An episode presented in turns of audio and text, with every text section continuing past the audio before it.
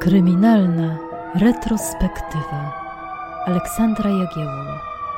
Zapraszam do wysłuchania serii podcastów kryminalnych. Sezon pierwszy. Skazani na karę śmierci. Historia Barbary Chain i Jacka Edwarda Oldermanu.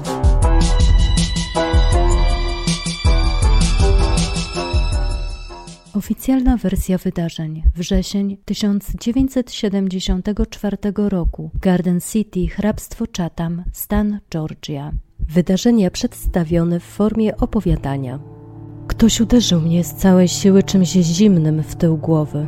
Siła, z jaką to coś wylądowało na mojej potylicy, niemalże wbiło mnie w podłogę. Świat zamarł na kilka chwil, ale nie wiem, ile ich było. Chyba niewiele, bo kiedy się ocknęłam i przekręciłam swoje ciało, spojrzałam za siebie, a on wciąż tam stał. Zamachnął się raz jeszcze srebrnym narzędziem, od którego odbiło się światło z ulicy. Nie uderzył po raz kolejny, jakby zastanawiał się, czy chce to zrobić. Nie wiem, kim był. Postać była jakaś znajoma, ale zamazana. Instynktownie czułam, że muszę uciekać. Ale gdzie? Gdzie ja w ogóle jestem? Dopiero teraz przypomniałam sobie, że u siebie w domu, bo nozdrza wypełniał mi odór psich odchodów, które zbierałam z dywanu przed momentem. Boże, co się dzieje? Gdzie jest Jack? Gdzie jest mój mąż? Nie bij, proszę, nie bij. Mamrotałam w bólu. Moja szczęka była ściśnięta. Poczułam ciepłą ciecz spływającą mi po karku. Podkuliłam się i zasłoniłam twarz łokciem. Bałam się, że znów zaatakuje. Ten nawet nie drgnął. Zaryzykowałam i przeczołgałam się do przodu. Czułam, że go prowokuję, ale musiałam się odsunąć jak najdalej. Udało mi się nawet wstać. Nie odwracałam się. Chwyciłam bolący mnie kark i na ugiętych kolanach resztkami sił poszłam do pokoju dziennego. Miałam przeczucie, że spotkam tam męża. Kiedy tylko przekroczyłam próg pokoju, zobaczyłam go. Wyrósł przede mną i patrzył na mnie jak marmurowy posąg. Nagle podbiegł, więc wysunęłam ręce do przodu, aby wpaść w jego ramiona. Dłużej nie dałam rady utrzymać się na nogach. Ten nagle chwycił mnie w pół, po czym powalił z całej siły na podłogę. Tak, z całej siły. Leżałam i patrzyłam mu w oczy. Pod głową robiło mi się jakoś mokro. Ostre włosie dywanu wbijało mi się w kark. Poruszyłam wargami, ale nie miałam siły nic powiedzieć. Liczyłam na to, że zrozumiem, że potrzebuję pomocy. Nagle poczułam jego dłoń na swoich ustach i nosie. Wykrzywił się w grymasie bólu. Zacisnął szczękę i spojrzał w górę jeszcze mocniej, dociskając mnie do podłogi. Paliła mnie skóra na karku, bo wbijała się w szorstki dywan, ale z czasem przestawałam czuć. Bolało jakoś mniej. Chwyciłam jeszcze jego dłoń i chciałam zsunąć ją z twarzy, ale naraz podbiegł ten drugi i jeszcze szczelniej odciął mnie od powietrza, nie pozwalając oddychać. W oddali usłyszałam dźwięki muzyki, ale były one coraz cichsze i cichsze, aż całkowicie zamarły. Wtedy widziałam mego męża po raz ostatni w moim życiu. Zapadła cisza i ogarnął mnie wieczny spokój, jakiego nigdy wcześniej nie zaznałam. Jack z radością trzasnął drzwiami kantorka na tyłach supermarketu Piggly Wiggly. Był szczęśliwy, że właśnie skończył zmianę. Nie miał już od dawna tyle pracy co dzisiaj. Dostawa towaru, nawał klientów i w dodatku ta naprawa pękniętej rury, przez którą woda zalała pół magazynu. Gdyby nie to, że nowe miejsce pracy znajdowało się 320 metrów od ich nowego domu, to zapewne wciąż pozostałby na etacie w Wydziale Utrzymania Pojazdów Miejskich w Sawanie. Wprawdzie jako asystent kierownika sklepu zarabiał więcej, ale robota kosztowała go sporo nerwów. Jack przeszedł przez parking i po chwili skręcił w drogę Augusta Road. Minął przystanek autobusowy, przy którym czekało kilka osób z torbami pełnymi zakupów. Wyrzucił zmięty rachunek do pobliskiego kosza na śmieci i przyspieszył kroku. Po chwili zszedł w boczną ulicę Wayston Price, gdzie znajdowało się osiedle, na które wprowadził się niedawno ze swoją żoną. Uszedł kawałek osiedlową drogą, wskoczył na krótko przystrzyżony trawnik i przystanął obok parkingu, na którym stał jego motor i nowiutki Pontiac La Mensa z 74 roku. Pojazd ledwo co zjechał z taśmy produkcyjnej. Dumny z siebie 23-latek zatrzymał się przy samochodzie i pogładził dłonią wypolerowaną maskę, po czym uśmiechnął się do siebie. Wszakże posiadał jeden z pierwszych modeli tej maszyny. Ucieszył się, kiedy zauważył, że z okna w ich mieszkaniu na pierwszym piętrze powiewała firanka. To oznaczało, że Barbara wróciła już z pracy i czekała na niego z obiadem. Zaczął być jeszcze bardziej głodny. Wbiegł po schodach na górę i wpadł do mieszkania jak oszalały, kierując się wprost do kuchni. Zaszedł żonę od tyłu i z apetytem także i na nią objął ją w pasie. Uwielbiał się wtulać w jej brązowe, długie i lśniące włosy. Zawsze tak pięknie pachniała, co rozpalało go do szaleństwa. Ta jednak szybko odsunęła się od niego. Bez słowa sięgnęła po garnek z dymiącą zupą, po czym ustawiła ją na środku stołu i usiadła przy nim. Jej kamienna twarz zmroziła Jacka. Musimy porozmawiać, Jack. Utkwiła nieruchomo swoje jasno-zielone oczy w jednym punkcie naprzeciwko niej. Niech w końcu powie, co się dzieje, pomyślał. Usiadł przy stole z bijącym sercem. Sięgnął po chochlę i nalał zupę, najpierw jej, a potem sobie. Nie patrzył na nią. Nie miał odwagi. Już od kilku dni była taka inna, niedostępna. Nie będę mogła mieć dzieci, Jack. Jestem bezpłodna. Wyrzuciła z siebie, a po policzkach popłynęły jej łzy. Jestem taka. Dukała. Taka bezwartościowa jako kobieta. Sięgnęła po plik dokumentów leżących obok niej i podała je Jackowi. Na pierwszej stronie widniała pieczątka szpitala miejskiego w Sawanie. Jack wziął od niej papiery, ale nie chciał ich oglądać. Oj, kochanie! Odłożył je na bok, po czym wstał i przykucnął przy niej. Objął ją w pasie tak mocno, że aż policzek wbił mu się w pasek od jej spodni. Przecież tyle razy rozmawialiśmy, że jeśli nam nie wyjdzie, to możemy zaadoptować dziecko. Nie, Jack, to nie ma sensu. Barbara wstała od stołu. Chcę rozwodu, oświadczyła. Powinieneś znaleźć sobie kogoś, kto da ci to, czego ja nie mogę. Zasługujesz na to, aby być ojcem. Twoje dzieci będą wspaniałe. Ale ja ci ich, Jack, nie urodzę. Odeszła pod okno, po czym upadła na podłogę i zaczęła szlochać. Jack znów podszedł do niej i stanął z tyłu, a ta wstała i wybiegła z kuchni. Po chwili trzasnęły drzwi od łazienki.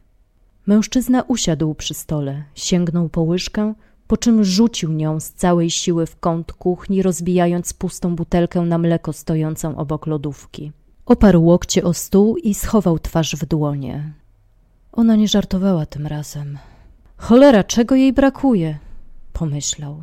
Mają wszystko: dom na najnowszym osiedlu w okolicy, najnowszy model samochodu, motor, świetnie płatne prace. Przecież nauki medyczne rozwijają się, a oni mają całe życie przed sobą. Na pewno w końcu znajdzie się lek na jej bezpłodność. Nie jeden marzył, aby znaleźć się na ich miejscu. Co mógłby jeszcze zrobić, żeby jej dogodzić? Czyżby naprawdę chodziło tylko o dziecko? Może spotyka się z kimś za jego plecami i bezpłodność to tylko pretekst do tego, aby zagarnąć ich majątek tylko dla siebie. Po głowie plątało mu się milion czarnych myśli. Hmm, Ostatnia stała się jakaś oziębła, odtrąca go. Może wcale nie jeździ do swojej babki, tak jak mówi, tylko do jakiegoś kochanka. W tym wypadku nie mógł dopuścić do rozwodu, bo puściłaby go z torbami. Nie, nie, to niemożliwe, no, no nie ona. Ogarnęła go jednak panika. Poprzednie jego małżeństwo rozpadło się, ale z byłą żoną zakończyli je bez żadnych sporów. Wtedy jednak oboje niczego nie posiadali, a teraz jest inaczej. Jack przeleżał całą noc na sofie w pokoju dziennym. Cały ten czas myślał o rozwodzie i zasnął dopiero nad samym ranem. Obudziło go skomlenie psa, który domagał się porannego spaceru. Zawsze zajmowała się tym Barbara. Pewno wyszła już do pracy, zastawiając wszystko na jego głowie. Widać było, że po trzech latach przestała mieć ochotę na to małżeństwo. Nakręcał się, a złość narastała w nim coraz bardziej. Był już 19 września i poranki robiły się coraz chłodniejsze. Zaspany Jack spojrzał na zegarek. Była siódma rano. Od niechcenia naciągnął na siebie spodnie z dresu i zarzucił na ramiona bluzę z kapturem. Zabrał smycz, przypiął psu do obroży i wyszedł przed dom. Zastanawiał się, co zrobić, aby uchronić się przed konsekwencjami rozwodu. Jedyne, co przychodziło mu do głowy, było bardzo nietypowe i nad wyraz śmiałe. Do tego nie mógł tego zrobić sam. Koniecznie potrzebował pomocy.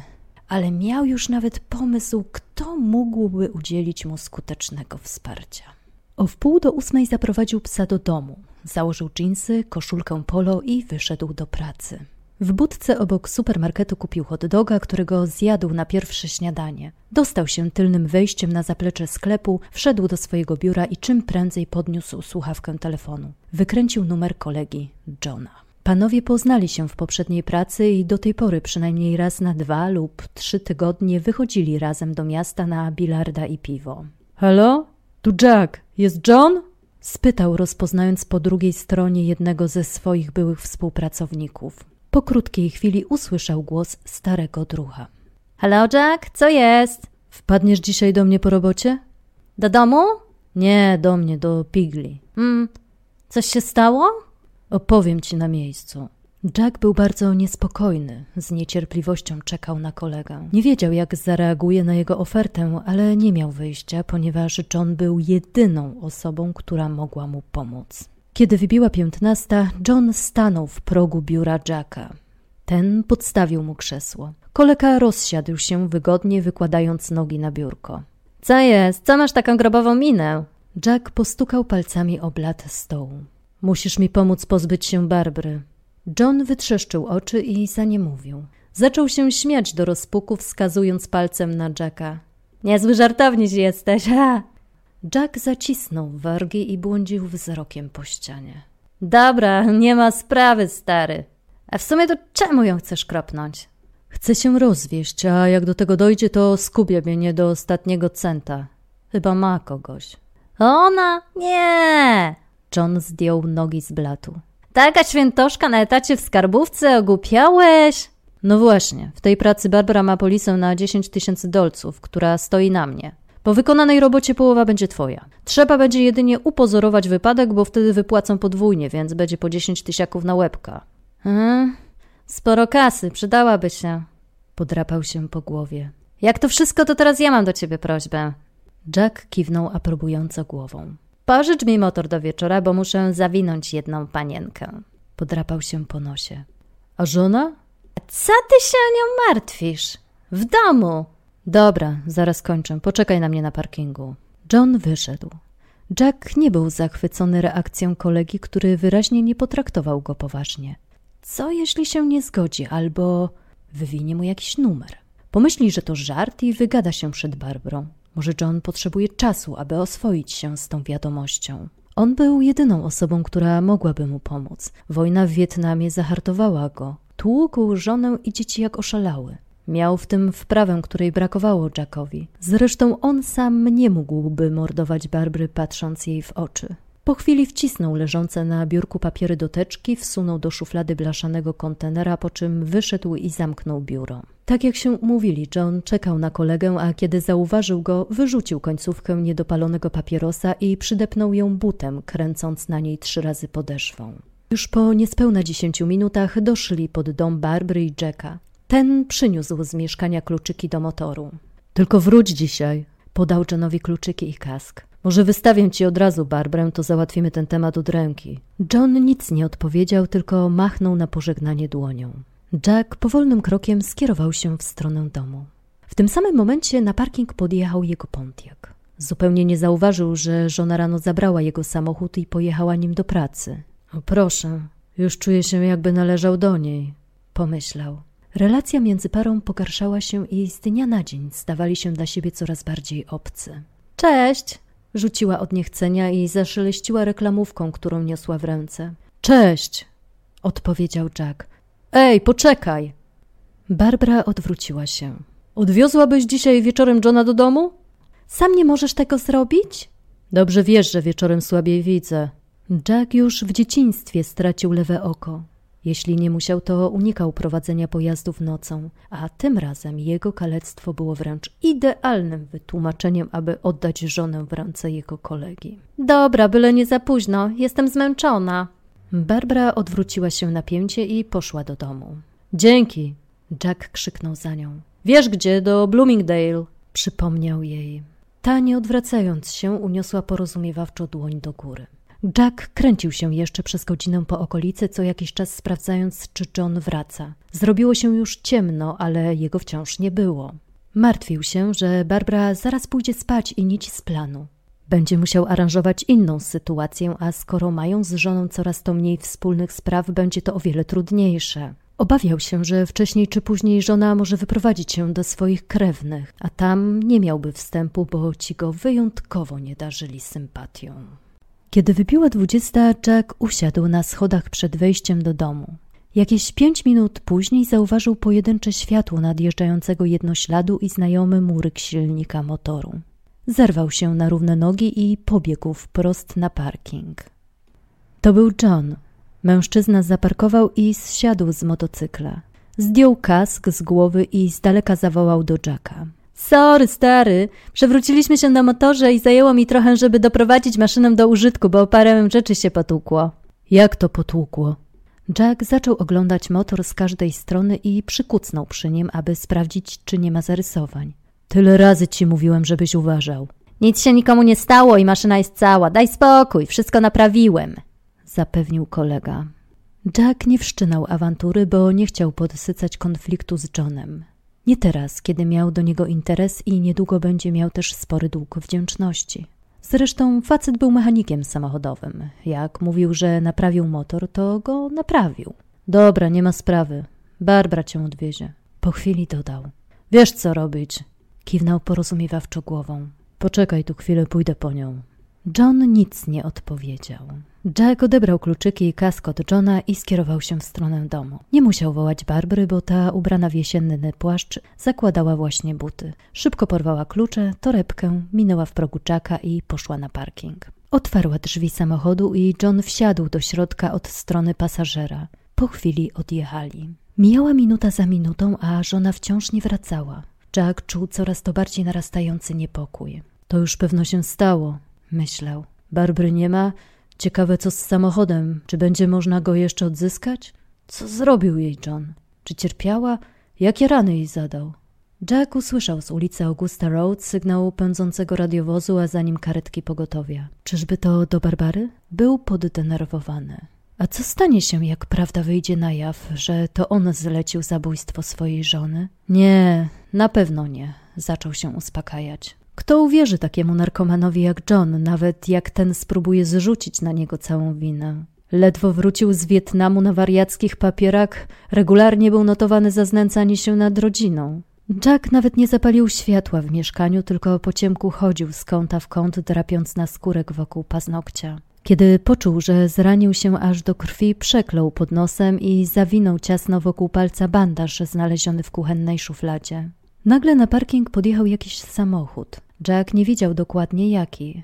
Pomyślał, że to policja. Ktoś z niego wysiadł. Kiedy postać zaczęła się zbliżać do domu i stała się coraz bardziej wyraźna, rozpoznał w niej swoją żonę. Jack wyszedł jej naprzeciw. Co tak długo? Tak jakoś zeszło. Gadaliśmy jeszcze trochę. Ucięła. Coś ci mówił? A co miał mówić? Wstryknęła ramionami. Pytał w sumie, jak nam się układa. Spojrzała na męża kątem oka. Domyślam się, że mu coś nagadałeś. Jack nie skomentował sugestii Barbry. Nie wiedział w sumie, co ona wie i czy powinien był w ogóle zaufać Johnowi. Jednak jakby ten coś jej powiedział o morderczym planie, to Barbara na pewno nie wracałaby do ich domu, tylko pojechałaby do babki, do Rincon. Zwłaszcza, że to parę minut jazdy samochodem od Bloomingdale. Jack złościł się na Johna. Kiedy Barbara poszła do sypialni, niedoszły wdowiec usiadł w salonie na sofie i włączył telewizję, w której jakiś doktor mówił o zaburzeniach pamięci i cudownej mocy hipnozy. Dyrdy mały. Burgnął do siebie i przełączył kanał. Musiał rozmówić się z kolegą.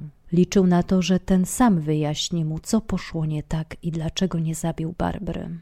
John ani tego, ani kolejnego dnia nie nawiązał z Jackiem kontaktu. Czyżby nie miał mu nic do powiedzenia? Jack nie wytrzymał i w końcu zadzwonił do niego do pracy, gdzie dowiedział się, że jego kolega wziął urlop. Skontaktował się z nim na numer domowy. Telefon odebrała jego żona i zawołała męża do słuchawki, sugerując przy tym Jackowi, że John nie jest w formie do rozmowy. Halo? Wymamrotał zaspanym głosem John. Stary, dzwonisz w środku nocy. Wczoraj trafiłem na dobry towar i mnie trochę sponiewierało. Dasz radę. odpowiedział uspokojony Jack. Wpadniesz dzisiaj do mnie? John bez namysłu odpowiedział. Jasne. A masz towar? Daj spokój, wiesz co jest do zrobienia. Będę czekał na ciebie po robocie w domu. A ty dalej swoje. Ja naprawdę nie żartuję. Dobra, wyluzuj. Przyjadę, to pogadamy. Po wpół do szóstej po południu do drzwi domu na osiedlu Chatham City Apartment w Garden City zadzwonił dzwonek. Barbara wyszła z kuchni, aby sprawdzić kto to, ale Jack uprzedził ją. Ja otworzę, skończ swoje w kuchni. Otworzył drzwi. Hej, jestem. John zionął w stronę Jacka odorem nieprzetrawionego jeszcze alkoholu. Ten od razu sięgnął po zwinięty w rulon koc leżący na parapecie i wyślizgnął się z mieszkania. Przymknął za sobą drzwi, rozwinął pakunek i wyciągnął z niego dwunastocalowy klucz francuski. Trzeba to zrobić. Wszystko, co musisz zrobić, to uderzyć ją tym kluczem. Ty stary, tak na poważnie? John naraz oprzytomniał. Poczekaj tu na mnie. Klepnął go dwa razy po ramieniu. Przygotuję wszystko. Jack poinstruował kolegę, aby ten udał, że opuszcza mieszkanie i za parę minut po cichu przyszedł do sypialni, aby uderzyć Barbrę kluczem w głowę. Idę spać! krzyknął do Barbary. Już? Była zdziwiona tak wczesną porą i poszła za nim do pokoju. Chory jesteś? Nie, tylko zmęczony. Jack musiał zatrzymać Barbrę w sypialni, zanim John zjawi się ponownie. Zaryzykował i podszedł do niej, po czym zaczął ją gładzić po karku. Kiedyś to lubiła i nie potrafiła się oprzeć. A teraz? Ciekawe, czy stary trik zadziała. Kiedy ją dotknął, ta zadykotała. Stała w bezruchu, a Jack pchnął ją na łóżko. Sam nie wiedział, co się z nim dzieje. Teraz nie był pewien, czy naprawdę chce, aby John wrócił. Może wystarczyłoby jeszcze raz porozmawiać z Barbrą i wyjaśnić sobie wszystko. Może ta jedna noc, to jedno zbliżenie między nimi zmieniłoby całą sytuację. Może rzeczywiście nikogo nie miała. Jego myśli przerwał dźwięk dzwonka i natarczywe pukanie do drzwi. Barbara oprzytomniała, zerwała się z łóżka, podbiegła do okna i odsłoniła firankę. To John! Myślałam, że sobie poszedł. Jest pijany, lepiej go wpuszczę, zanim narobi sobie kłopotów. Do jasnej cholery matoł jeden, pomyślał Jack. Jack zostawił Barbrę w sypialni i wyszedł, pozorując, że wpuszcza kolegę do środka. Kiedy przyszedł do niego, ten stał już w przedpokoju. Zaprosił gościa do salonu i puścił muzykę z wieży stereo, którą niedawno kupił. Mówiłem, żebyś wszedł do sypialni i ją zatłukł, a nie dzwonił do drzwi. John nic nie odpowiedział, tylko podciągnął opadające mu spodnie i wsunął w nie flanelową koszulę. Nagle poczuł intensywny zapach moczu i kału. Jack poszedł do łazienki, aby sprawdzić, czy nie wybiło szambo. Zanim jednak dotarł tam, zorientował się, że smród dochodzi z jadalni. Zaświecił światło i dostrzegł, że to pies załatwił się obok stołu. Jack wykorzystał moment, kiedy tam był i po cichu wyciągnął z szuflady komody pistolet. Wcisnął go za pas spodni i nakrył bluzą. Po chwili zawołał do pokoju Barbrę. Kobieta przyszła od razu. Posprzątaj, bo pies się znowu zwalił. Wskazał jej nieczystości, po czym wrócił do kolegi, który kucał na podłodze i przeglądał sterty płyt. Jack szturchnął mężczyznę w ramię palcem wskazującym. Idź i uderz ją, Cicho wysyczał przez zęby, kiwając głową w stronę leżącego na podłodze klucza francuskiego, po czym odsłonił bluzę. John zamarł na widok gnata. Wysoki na dwa metry, mocnej postury brunet bez lewego oka musiał wyglądać upiornie, wisząc nad mniejszym od niego, odurzonym szesnastoma drinkami i jeszcze od wczoraj zaćpanym mężczyzną. John przełknął głośno ślinę, która zdawała się utknąć w jego gardle i raz jeszcze spojrzał na dłonie kolegi, które coraz bardziej zaciskały się na rękojeści pistoletu. John wstał i zatoczył się. Jack podniósł z podłogi klucz francuski i podał mu go. Zrób to w końcu! spojrzał gniewnie na zdezorientowanego Johna. Ten posłusznie poszedł do pokoju.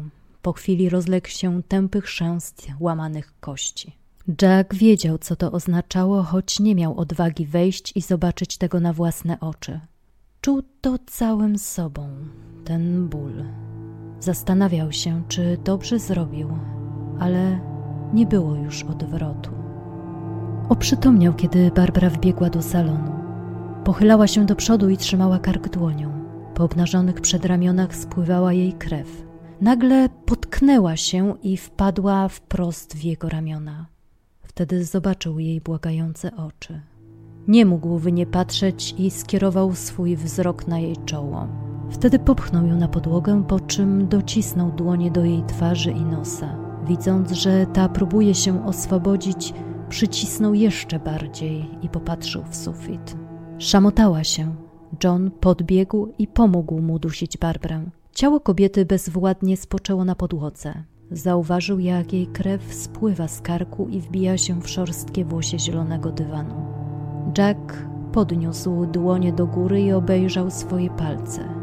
Miał na nich jej krew, krew swojej żony. Otarł drżącymi palcami spoconą twarz, rozcierając czerwone smugi na czole. Myślisz, że nie żyje? spytał Jack. Tak. Kolega odpowiedział krótko i pociągnął wydzielinę, która zebrała mu się w nostrzach. No cóż, zostań tu z nią, a ja pójdę otworzyć drzwi do łazienki. Po co? spytał John, po czym powoli wstał, wciąż patrząc na bezwładnie leżące ciało Barbry. Wciągnę ją tam i utopię. Chcę się upewnić, że nic nie zrobi.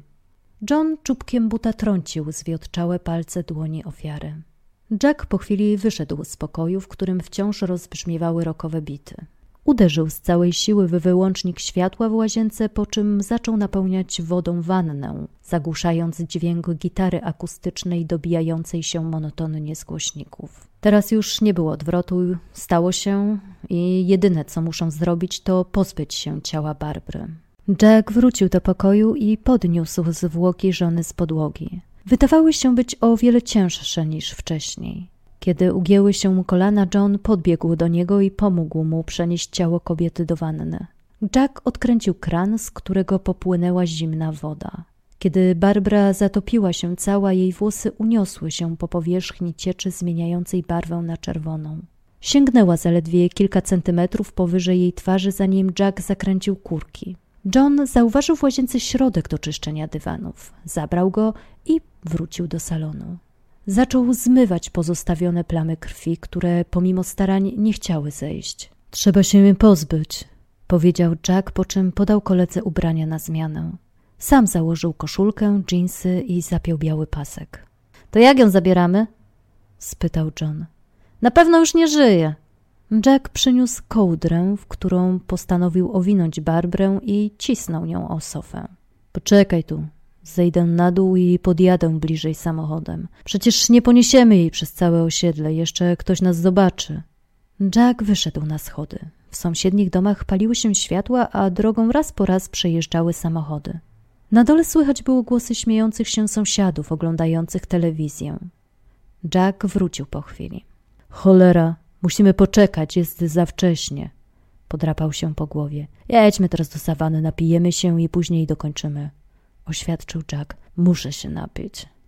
Jack sprawdził godzinę. Było po osiemnastej. Przetrzepał kieszenie od kurtki i zorientował się, że nie ma złamanego centa nawet na bilet autobusowy. O tej porze już nigdzie nie wypłaci pieniędzy, a torebki Barbry wolał nawet nie ruszać. Idźmy do Pigli, pożyczę trochę kasy i pojedziemy w miasto. Po chwili ze stu dolarami w portfelu stali na przystanku autobusowym Augusta i Brampton, skąd odjeżdżał jedyny autobus do Savany. Jack od razu zaproponował, aby na sam początek uderzyli do klubu Joe D's Byshore, gdzie przy kuflu piwa zamierzał omówić dalszy plan działania. Kiedy tam dotarli, Jack rzucił na stół pożyczone ze sklepu 100 dolarów. Bierz to dla ciebie. Za co to? Jeszcze będziesz musiał dzisiaj jechać. Nie pij za dużo, żebyśmy głupio nie wpadli przez alkohol. Spoko! John przechylił kufel piwa i wypił go duszkiem do dna. Jack pomyślał, że dobrze by było, aby ktoś ich zobaczył na mieście i dał im w razie czego alibi, dlatego udali się do knajpy na Waving Girl. Kiedy dotarli na miejsce, stara ekipa, jak zwykle zresztą o tej porze, była już w knajpie. Mężczyźni od samego progu zauważyli znajomą Gerlindę, która, gdy tylko się pojawili, zaczęła przywoływać ich, machając obiema rękoma. Ci podeszli, przywitali się i zamówili u kelnera kolejne drinki. Mamy tylko chwilę, powiedział John. Przesiądziemy się na motor i wrócimy za jakąś godzinę. Jack pobladł. Pomyślał, że kolega nie powinien w ogóle wspominać, że zamierzają wrócić do Garden City. Poza tym nie był pewien, czy w godzinę pozbędą się zwłok Barbry. Jack, pełen niepokoju, przebierał nogami pod stołem. Chciał jak najszybciej wyjść z baru i dokończyć robotę. Nagle przypomniał sobie, że nie sprawdził, czy komplet dodatkowych kluczy do mieszkania leżał na stoliku przy telefonie. Bał się, że Barbara mogła dać go którejś ze swoich sióstr. Byłby skończony, gdyby któraś wpadła na pomysł, aby złożyć im wizytę tego wieczora. Mężczyźni około godziny 22 wrócili do Garden City. Drzwi były zamknięte i światła pogaszone, więc na pewno nikogo po nich nie było w mieszkaniu. Wszystko było tak, jak zostawili przed wyjściem. Barbara wciąż leżała w wannie. Jedynie woda wypłynęła przez nieszczelny korek, pozostawiając na białej emali krwiste smugi. Jack sięgnął po leżącą na sofie kołdrę i przyniósł ją do łazienki, po czym rozłożył na wyłożonej kafelkami podłodze tuż obok wanny. Nie masz czegoś większego? John spytał, widząc płachtę o wymiarach 140 na 150 centymetrów. Nie, nie, takiej małej szmaty łatwiej się będzie później pozbyć. Najważniejsze, żeby nas teraz nikt nie zobaczył. Wyciągnęli Barbrę, położyli na zieloną kołdrę i owinęli ciało niewielkim skrawkiem cienkiego, pikowanego materiału. Jack wyszedł na zewnątrz i zszedł na dół. Obszedł budynek dookoła i sprawdził, czy nikogo nie ma, ale wokoło było pusto. Podjechał samochodem niemalże pod sam dom, otworzył bagażnik, po czym wrócił na górę i wziął zawinięte ciało Barbry na ręce. Teraz namoczone wodą było jeszcze cięższe. Serce mocno mu biło i chyba tylko adrenalina pomogła mu bez trudu pokonać schody. Po przejściu około 15 metrów z ciałem mokrej i wciąż krwawiącej żony doszedł do samochodu i wrzucił ją do bagażnika. Obejrzał się jeszcze za siebie, ale nie zauważył nikogo oprócz Johna. Ten bez zbędnej zwłoki usiadł za kierownicą Pontiaca Lamensa, a Jack zabrał motor i oboje skierowali się do Rincon, oddalonego o 24 km od Garden City. Jack dobrze to przemyślał. Zamierzał porzucić ciało Barbary w potoku Dayshire Creek nieopodal domu babci swojej żony. Wszyscy będą myśleć, że pojechała odwiedzić krewnych i miała po drodze wypadek. Po 15 minutach byli prawie że na miejscu. Z autostrady numer 21 skręcili w boczną uliczkę Baker Hill Road, gdzie Jack sowicie dodał gazu, tak że ryk silnika motoru odbił się echem o okoliczne zabudowania. Po chwili skręcili w mało uczęszczaną drogę 131 z obu stron otoczoną zagajnikami. Ujechali jakieś 800 metrów i zatrzymali się bezpośrednio na drewnianym moście przy samym potoku. To tam chcieli zepchnąć Pontiaka po niewielkiej skarpie bezpośrednio do strumienia. Jack oparł motor stabilnie na podpórkach i pomógł koledze posadzić ciało żony na fotelu kierowcy. Zamknij drzwi i poluzuj skrzynię biegu, później zwolnij hamulec, wydawał polecenia Johnowi. Niech się auto samo stoczy. Samochód zjechał w dół, ale nie wjechał głęboko do strumienia, tak jak planowali. Cholera, nie może tak tu zostać. To już jest woda! krzyknął John. Wtedy usłyszeli w oddali nadjeżdżający samochód. Spiesz się, Zaraz będziemy mieć tutaj turystów, ponaglał Jack. Otwórz te drzwi, niech ona wypadnie z tego auta. Wyjrzał na drogę, ale nie widział samochodu. Słyszał jednak, że jest coraz bliżej. Kiedy Barbara upadła twarzą do strumienia, jej mąż szybko podszedł do samochodu i wyciągnął z bagażnika kołdrę, w której przywieźli ofiarę, a później matę ochronną z dna, po czym trzasnął klapą tylnych drzwi. Zjeżdżamy stąd. Samochód zdawał się być coraz bliżej. Oboje wsiedli na motor. Jack jako pasażer położył na kolanach poplamione krwią przedmioty i objął w pasie swojego kompana. Na Baker Hill Road, zanim jeszcze wyjechali na autostradę, zauważyli nadjeżdżający z naprzeciwka samochód osobowy. To jego odgłosy było słychać w całej okolicy. Jackowi wydawało się, że samochód zwolnił, a podróżujące nim osoby przyglądały im się. Szybko jednak uspokoił swój popadający w paranoję umysł. Niby dlaczego mieliby ich obserwować, a poza tym auto musiało zwolnić, widząc inny pojazd jadący z naprzeciwka. Do tego wzrok Jacka był zawodny. Tak czy inaczej, młody wdowiec miał przeczucie, że śmierć jego żony wyjdzie na jaw jeszcze tej samej nocy. Po ujechaniu czterech kilometrów John zatrzymał motor. Co jest? krzyknął do niego Jack, próbując zagłuszyć silnik motoru. Wywal to tam na śmietnisku. John wskazał pobliskie wysypisko śmieci. Nie będziemy chyba jeździć z zakrwawionymi fantami, rzucił od niechcenia. Faktycznie, miał rację. Jack zeskoczył z motoru, podbiegł do wysypiska i wyrzucił do wody zbrodni na hałdę różnorakiego badziewia przeznaczonego do utylizacji. Okej, okay, zrobione. Jedźmy do Jody do Savany, poinstruował Jack. Pewnie nasi tam teraz siedzą. Wspomniał o znajomych. Po niespełna godzinie siedzieli już w klubie z przyjaciółmi. Ważne było teraz, żeby nikt nie zadawał zbyt wielu pytań. Przed powrotem do domu skierowali się jeszcze całą paczką do restauracji Johniego Genima, aby się posilić. John postanowił wrócić do domu na własną rękę. Jack zaproponował Gerlindzie, że podwiezie ją do domu, skoro ma wolne miejsce na motorze. Kiedy wyjeżdżali, temperatura sięgała 20 stopni Celsjusza, a podczas jazdy na motorze czuć było przeszywające zimno. Jack zatrzymał się w drodze powrotnej do domu, aby zabrać ze sobą kurtkę. Zaprosił do siebie Gerlindę, gdzie usiedli jeszcze na chwilę. Kiedy wyjeżdżali z miasta, temperatura sięgała 20 stopni Celsjusza, ale podczas jazdy na motorze czuć było przeszywające zimno. Jack zatrzymał się w drodze powrotnej do domu, aby zabrać ze sobą kurtkę. Zaprosił do siebie Gerlindę, gdzie usiedli jeszcze na kilka chwil. Mężczyzna poczuł, że emocje już opadły, ale zdawał sobie sprawę, że to tylko na chwilę i niebawem będzie musiał zmierzyć się twarzą w twarz z policyjnym dochodzeniem.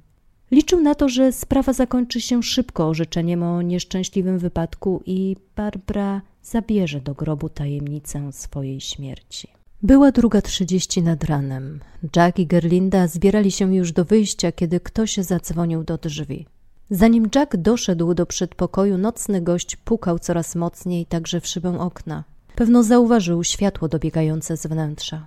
Jack otworzył drzwi i w progu zobaczył mężczyznę, który machnął mu przed nosem legitymacją policyjną. Pan Jack Edward Olderman?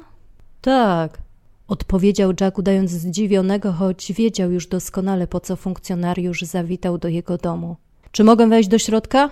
Zanim Jack odpowiedział, ten już stał w przedpokoju. Z kuchni wyszła Gerlinda. A pani to kto? Kobieta przedstawiła się, a Jack dodał.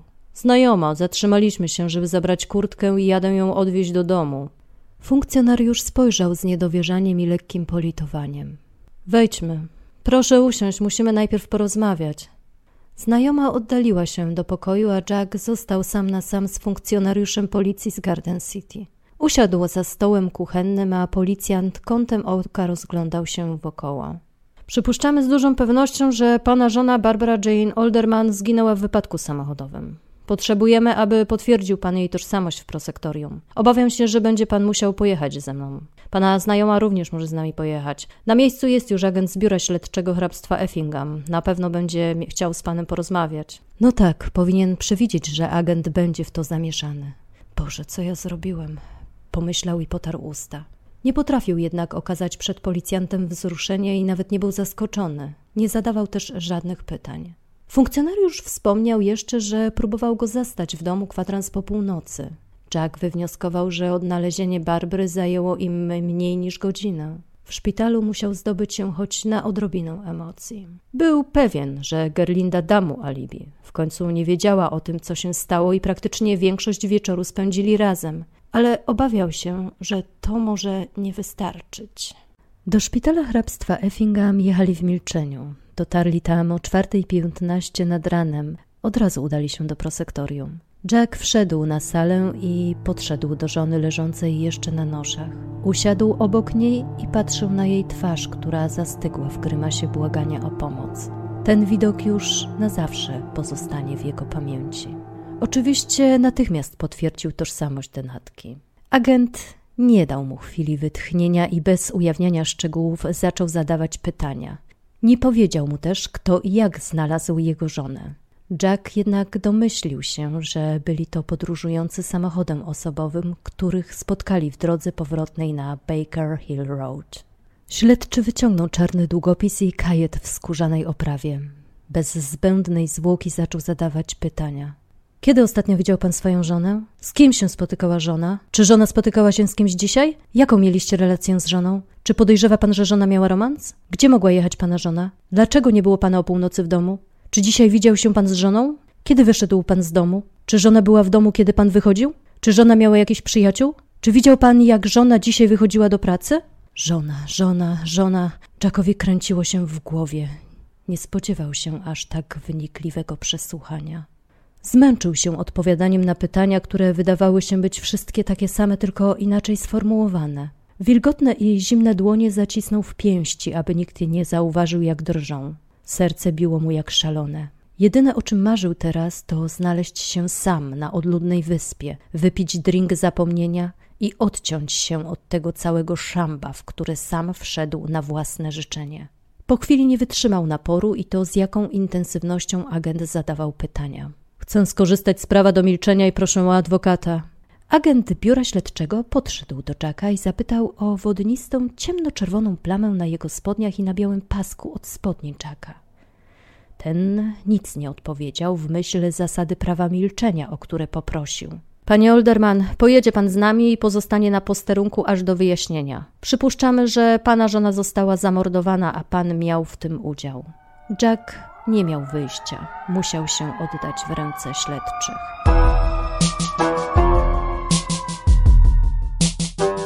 Fakty z śledztwa i procesu sądowego.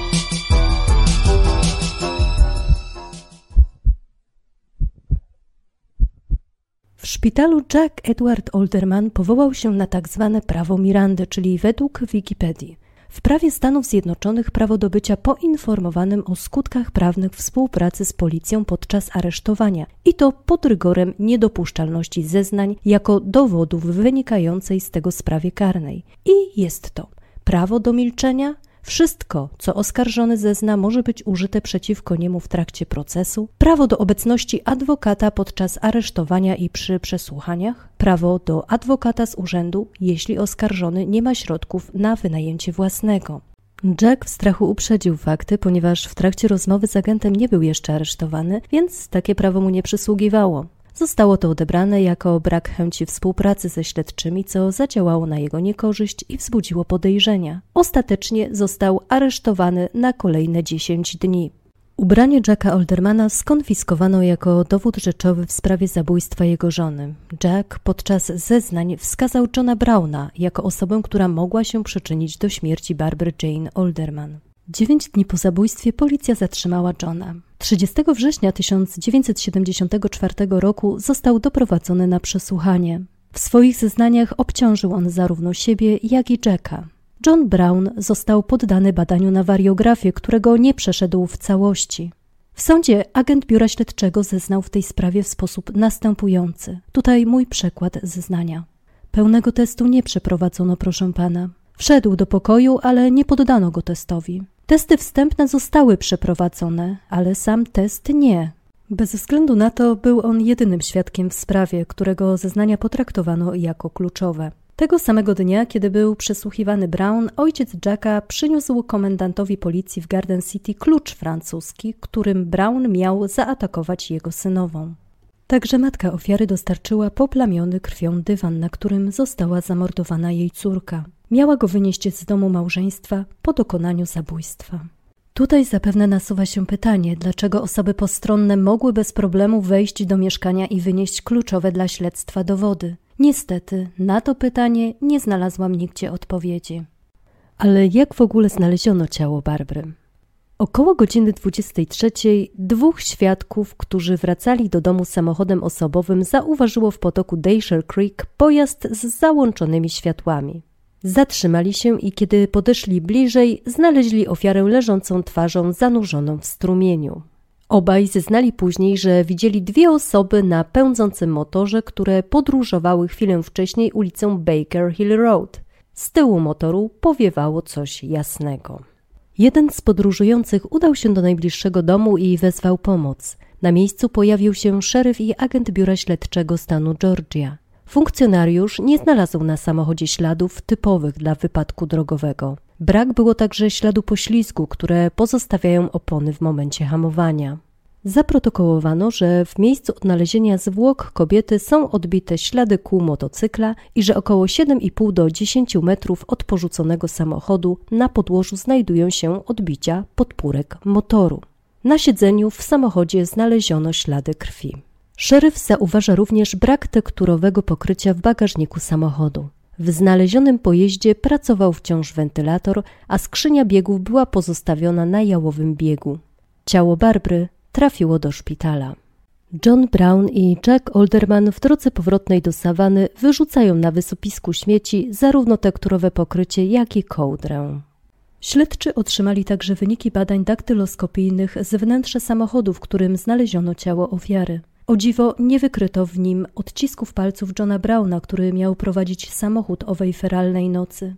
Był za to odcisk dłoni i cztery odciski palców należących do właściciela samochodu, Jacka Edwarda Oldermana. Tu nasuwa się kolejne pytanie, czy wersja Johna Browna jest prawdziwa, skoro twierdził, że to on prowadził pojazd. Dostarczono również wyniki z sekcji zwłok, z których wynikało, że kobieta zmarła w wyniku utonięcia, ponieważ w jej płucach patolog znalazł wodę. Co do rany głowy, lekarz stwierdził, że szarpana rana powstała od uderzenia tępym narzędziem. Ponadto u denatki nie wykryto żadnych problemów z sercem, nie znaleziono zadrapań na przedramionach i śladów duszenia. Specjaliści z laboratorium kryminalistycznego w Georgii przeprowadzili porównanie krwi znalezionej na ubraniu Jacka z krwią jego żony. Serolog potwierdził zgodność pobranych próbek. Na spodniach Oldermana znajdowała się grupa krwi A typ M, czyli taka sama, jaką miała jego żona. Śledczy jednoznacznie wykluczyli, jakoby do zbrodni miało dojść w samochodzie, bo było tam za mało krwi. Według nich ciało zostało porzucone nad strumieniem. Teoria o nieszczęśliwym wypadku nie była w ogóle brana pod uwagę. Jackowi Edwardowi Oldermanowi prokuratura postawiła zarzut morderstwa i w kolejnym roku, 1975, ruszył przeciwko niemu proces sądowy. Oskarżony otrzymał wsparcie ze strony rodziny i przyjaciół. Zatrudnili i opłacili adwokata, a także zeznawali na jego korzyść także jako świadkowie charakteru. Przedstawili go jako bardzo dobrego człowieka. Podczas procesu Jack stanowczo zaprzeczył zarzutom Brauna, jakoby to oboje mieli brać udział w zamachu na życie jego żony. Przedstawił swoją wersję wydarzeń. Przyznał, że 21 września 1974 roku faktycznie doszło do kłótni pomiędzy nim a Barbrą. Chciała odejść od niego po tym, jak dowiedziała się, że nie może mieć dzieci. Chciała ustąpić miejsca innej kobiecie, która dałaby Jackowi potomstwo. Nigdy wcześniej nie rozmawiali poważnie na temat rozwodu. Po ostrej wymianie zdań Barbara zabrała portfel i opuściła mieszkanie tylnymi drzwiami. Jack zeznał, że o godzinie 19.10 wyszedł z domu i pojechał autobusem do Savany, aby napić się tam alkoholu i ochłonąć. Odwiedził bary Bayshore Lounge i Waving Girl, gdzie pierwszy raz tego dnia spotkał Browna i kilka innych osób. O godzinie 22.00 wrócił taksówką do mieszkania. Zauważył, że żona nie wróciła jeszcze do domu i pojechał motocyklem do Rincon, gdzie mieszkała babcia ofiary, aby sprawdzić, czy żona tam jest. Bardzo chciał ją przeprosić za zaistniałą sytuację. Kiedy przejeżdżał obok potoku Dasher Creek, dostrzegł swój samochód. Zatrzymał się, a kiedy podszedł bliżej, znalazł Barbrę leżącą twarzą zanurzoną w wodach potoku. Olderman przykucnął przy ofierze, wyciągnął z wody jej głowę i oparł na kolanach, co miało później tłumaczyć ślady krwi na jego spodniach. Kobieta była martwa. Kiedy usłyszał nadjeżdżający samochód, wystraszył się i uciekł. Po całym tym zdarzeniu wrócił do baru Bayshore Lounge, gdzie przebywali jego znajomi, a następnie poszedł z nimi coś zjeść do restauracji Johniego Genima. Po wspólnym posiłku zaproponował swojej znajomej, pani Gerlindzie, że zawiezie ją do jej domu, aby nie musiała w nocy podróżować sama. Po drodze zatrzymali się w domu Jacka, ponieważ ten chciał zabrać ze sobą kurtkę. Tam zastała ich policja i stamtąd pojechali do szpitala na identyfikację zwłok Barbary. Jack wyjaśnił, że nie pamiętał momentu znalezienia żony nad potokiem aż do jej identyfikacji. Irracjonalne zachowanie tłumaczył szokiem i wyparciem ze świadomości traumatycznego zdarzenia. Oskarżony został poddany terapii psychiatrycznej i dopiero podczas hipnozy przypomniał sobie całe zdarzenie. Twierdził, że był w szoku. Bał się też, że rodzina ze strony żony będzie obwiniać go za śmierć Barbry i że skrzywdzi go fizycznie. Sąd nie wziął pod uwagę zeznań Oldermana, których dokonał podczas transu, chociaż ta forma terapii jest uznana za konwencjonalną metodę leczenia. Zeznania podczas hipnozy mogłyby być zmanipulowane. W procesie zeznawał psychiatra, który prowadził terapię Jacka Oldermana i badał go miesiąc przed rozpoczęciem rozprawy sądowej. Potwierdził, że w wyniku silnego stresu i emocji Jack dostał tzw. Tak amnezji dysocjacyjnej, jak przedstawiono później w sądzie, aby nie czuć się niemęskim tchórzem. W przypadku Jacka Oldermana stłumienie zdarzeń do podświadomości miało mu pomóc w zaprzeczeniu tego, że znalazł żonę martwą. Nie chciał dopuścić do siebie faktu, że ona nie żyje. Dzięki temu nie czuł się winnym nieudzielenia jej pomocy. Amnezja trwała od momentu znalezienia żony w potoku, aż do momentu identyfikacji jej ciała w szpitalu. Podczas procesu zeznawał świadek, jeden ze współosadzonych w areszcie z Johnem Brownem. Miał on przyznać, że Brown przedstawił mu trzy wersje wydarzeń. Pierwsza mówiła o tym, że to on zabił Barbrę, ponieważ Olderman groził mu nożem. Druga, że groził mu bronią palną. W trzeciej wersji przyznał, że sam zabił Barbrę, a Jack nie miał z tym zdarzeniem nic wspólnego. Brown twierdził też, że on i Barbara mieli romans. W dniu zabójstwa poprosił ją o pieniądze na narkotyki, a kiedy ta mu odmówiła, pokłócili się, a ten ją zabił i pozbył się zwłok nad strumieniem. 14 czerwca 1975 roku w Sądzie Najwyższym Hrabstwa Chatham John Edward Olderman został skazany za morderstwo swojej żony Barbary Jane na karę śmierci. Wyrok miał zostać wykonany przez porażenie prądem na krześle elektrycznym, które jeszcze do 2001 roku dopuszczano jako formę egzekucji w stanie Georgia. Pół roku później John Brown w odrębnym procesie został skazany na karę śmierci. Kara została zamieniona na dożywocie, a następnie skrócona do 12 lat. Wyszedł warunkowo na wolność w marcu 1987 roku. Rok później wszczęto przeciwko niemu kolejne śledztwo, tym razem w sprawie molestowania nastolatek. W 2000 roku Brown popełnił samobójstwo, kiedy policja otoczyła jego dom z zamiarem aresztowania go. Był oskarżony o przemoc w stosunku do dzieci i posiadania broni palnej. 51-letni wówczas John strzelił sobie w głowę z broni AK-47, czyli z rosyjskiego kałasznikowa z 1947 roku. Wdowa po Johnie Brownie powiedziała później, że mąż często przykładał jej lufę do skroni i odgrażał się. Obrońcy Jacka Oldermana przez 33 lata składali odwołania, aby uwolnić go od kary śmierci. Egzekucję zaplanowano na 16 września 2008 roku na godzinę 19. O godzinie 18 adwokat Oldermana potwierdził odrzucenie ostatniej apelacji. Egzekucja trwała 14 minut, a zgon stwierdzono o godzinie 19.25. Zastępca prokuratora okręgowego hrabstwa Chatham powiedział, że oskarżony podżegał do przestępstwa i że był najbardziej winny, a bez niego zbrodnia nie miałaby miejsca. Jack Olderman nigdy nie przyznał się do winy, nawet za cenę wolności. Powiedział podczas pobytu w więzieniu, że wszystko, co mogą zrobić, to mnie zabić, nie mogą mnie złamać.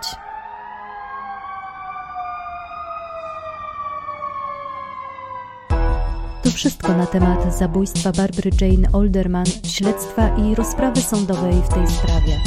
Jeśli chcesz dowiedzieć się czegoś więcej o ich życiu, zanim jeszcze doszło do zbrodni, pozostań ze mną przez kolejne kilka minut. Jeśli nie, to zapraszam za dwa tygodnie i nie zapomnijcie też zasubskrybować kanału. To dla mnie motywacja do dalszej pracy. Chętnie poczytam Wasze komentarze. Może jest coś, co chcielibyście usłyszeć w kolejnych odcinkach. Dajcie koniecznie znać i do usłyszenia. Pod nagraniem pozostawiłam informacje o źródłach wykorzystanych do mojego podcastu, a także kilka interesujących linków. Zapraszam również do polubienia mojego fanpage'a na Facebooku i do dołączenia do grupy Kryminalna Retrospektywa. Linki znajdują się pod nagraniem. Będę zamieszczać tam informacje o najnowszych podcastach. Możesz to otrzymać również na swój telefon. Wystarczy, że posiadasz WhatsAppa i na WhatsAppie zasubskrybujesz kanał Kryminalna Retrospektywa.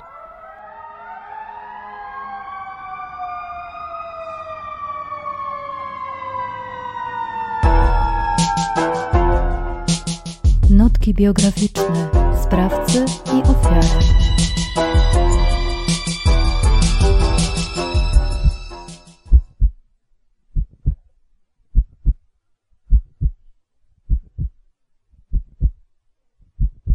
Barbara Jane Blozey przychodzi na świat 17 listopada 1953 roku w hrabstwie Chatham. Można powiedzieć, że Jack i Barbara żyją niemalże po sąsiedzku, choć wcześniej nigdy się nie poznali. Kiedy Barbara rodzi się, jej ojciec ma 34 lata, a matka 35. Barbara ma jeszcze dwie siostry, Debre i Retę. Oboje rodzice pracują. Matka przez jakiś czas prowadzi własną firmę, ale później przechodzi na etat. Państwo Blozej gwarantują córkom edukację i sprzyjające warunki do wychowania. Po ukończeniu szkoły Barbara podejmuje pracę w urzędzie skarbowym. Umiera, kiedy ma 20 lat. Na temat Jacka znajdujemy więcej informacji. Jest 29 maja 1951 roku, Garden City w hrabstwie Chatham. To wtedy na świat przychodzi Jack Edward Olderman. Jest on pierwszym dzieckiem Mary i Jacka Oldermanów. Ojciec jako zawodowy spawacz znajduje zatrudnienie na kolei. Matka zajmuje się domem oraz wychowywaniem syna. Szybko zachodzi ponownie w ciążę i 2 marca 1954 roku rodzi córkę Tirizę. Pół roku po narodzinach dziewczynki kobieta porzuca rodzinę. Chłopiec ma wówczas 3 lata. Pełnoetatowym wychowaniem rodzeństwa zajmują się ojciec i dziadkowie. Jack wspominał: Nasz dom promieniał ciepłem, łagodnością i miłością. Dzieciństwo rodzeństwa Oldermanów upływa w harmonii. Dziadkowie dają z siebie wszystko, aby dzieci nie odczuwały braku matki. W 55 roku, tuż przed czwartymi urodzinami Jacka, rodzina wybiera się na wspólny wypad na ryby. Radość zostaje przerwana, kiedy chłopiec podczas zabawy wbija sobie scyzoryk w lewe oko. Trafia do szpitala, gdzie poddany jest kolejno czterem operacjom ratującym wzrok. Na szczęście szybko dochodzi do siebie i lekarze zdejmują mu opatrunki. Na krótko po tym zdarzeniu trzynastoletni chłopiec niespodziewanie wbija mu w to samo oko zardzewiałe ostrze piły do metalu. Pomimo, że Jack widzi tylko na prawe oko, uczy się wyśmienicie i kiedy jest w piątej klasie, nauczyciele proponują, aby kontynuował naukę z pominięciem szóstej klasy. Pewnego poranka 1967 roku szesnastoletni już wówczas Jack budzi się kompletnie ślepy. Zdiagnozowano u niego zapalenie nerwów wzrokowego, które zaatakowało także zdrowe oko. Z powodu niepełnosprawności dziadkowie zapisują go do szkoły specjalnej z internatem Georgia Academy for the Blind, czyli liceum dla niewidomych w Georgii. Przez kolejny rok chłopak kontynuuje tam naukę i opanowuje język Braille'a. Na początku drugiego semestru przechodzi trzy operacje oka, w tym jedną z nich metodą eksperymentalną. Ostatecznie lekarze wszczepiają mu protezę lewego oka. Pomimo niedyspozycji kończy klasę w liceum dla niewidomych z wyróżnieniem. Pod koniec roku szkolnego w czerwcu jego wzrok w prawym oku jest na tyle dobry, że siedemnastolatek wraca do domu i od jesieni podejmuje naukę w lokalnym liceum. Jest wzorowym uczniem. Szybko integruje się ze szkolną społecznością i zostaje awansowany na szefa drużyny harcerskiej. Jack kończy szkołę, a w nagrodę za wybitne wyniki w nauce otrzymuje podwójne stypendium na studia. Nauczycielka poleca go też w firmie, która poszukuje praktykanta. Zaraz po ukończeniu szkoły mężczyzna podejmuje pracę w Wydziale Utrzymania Pojazdów Miejskich w Sawanie. Jack żeni się po raz pierwszy, ale małżeństwo rozpada się. Poznaje Barbrę Jane Blozey i w 1971 roku pobierają się. Oboje pracują dodatkowo jako wolontariusze w lokalnym przytułku dla sierot. Na początku mieszkają w okolicach Rincon, a później przeprowadzają się do Garden City.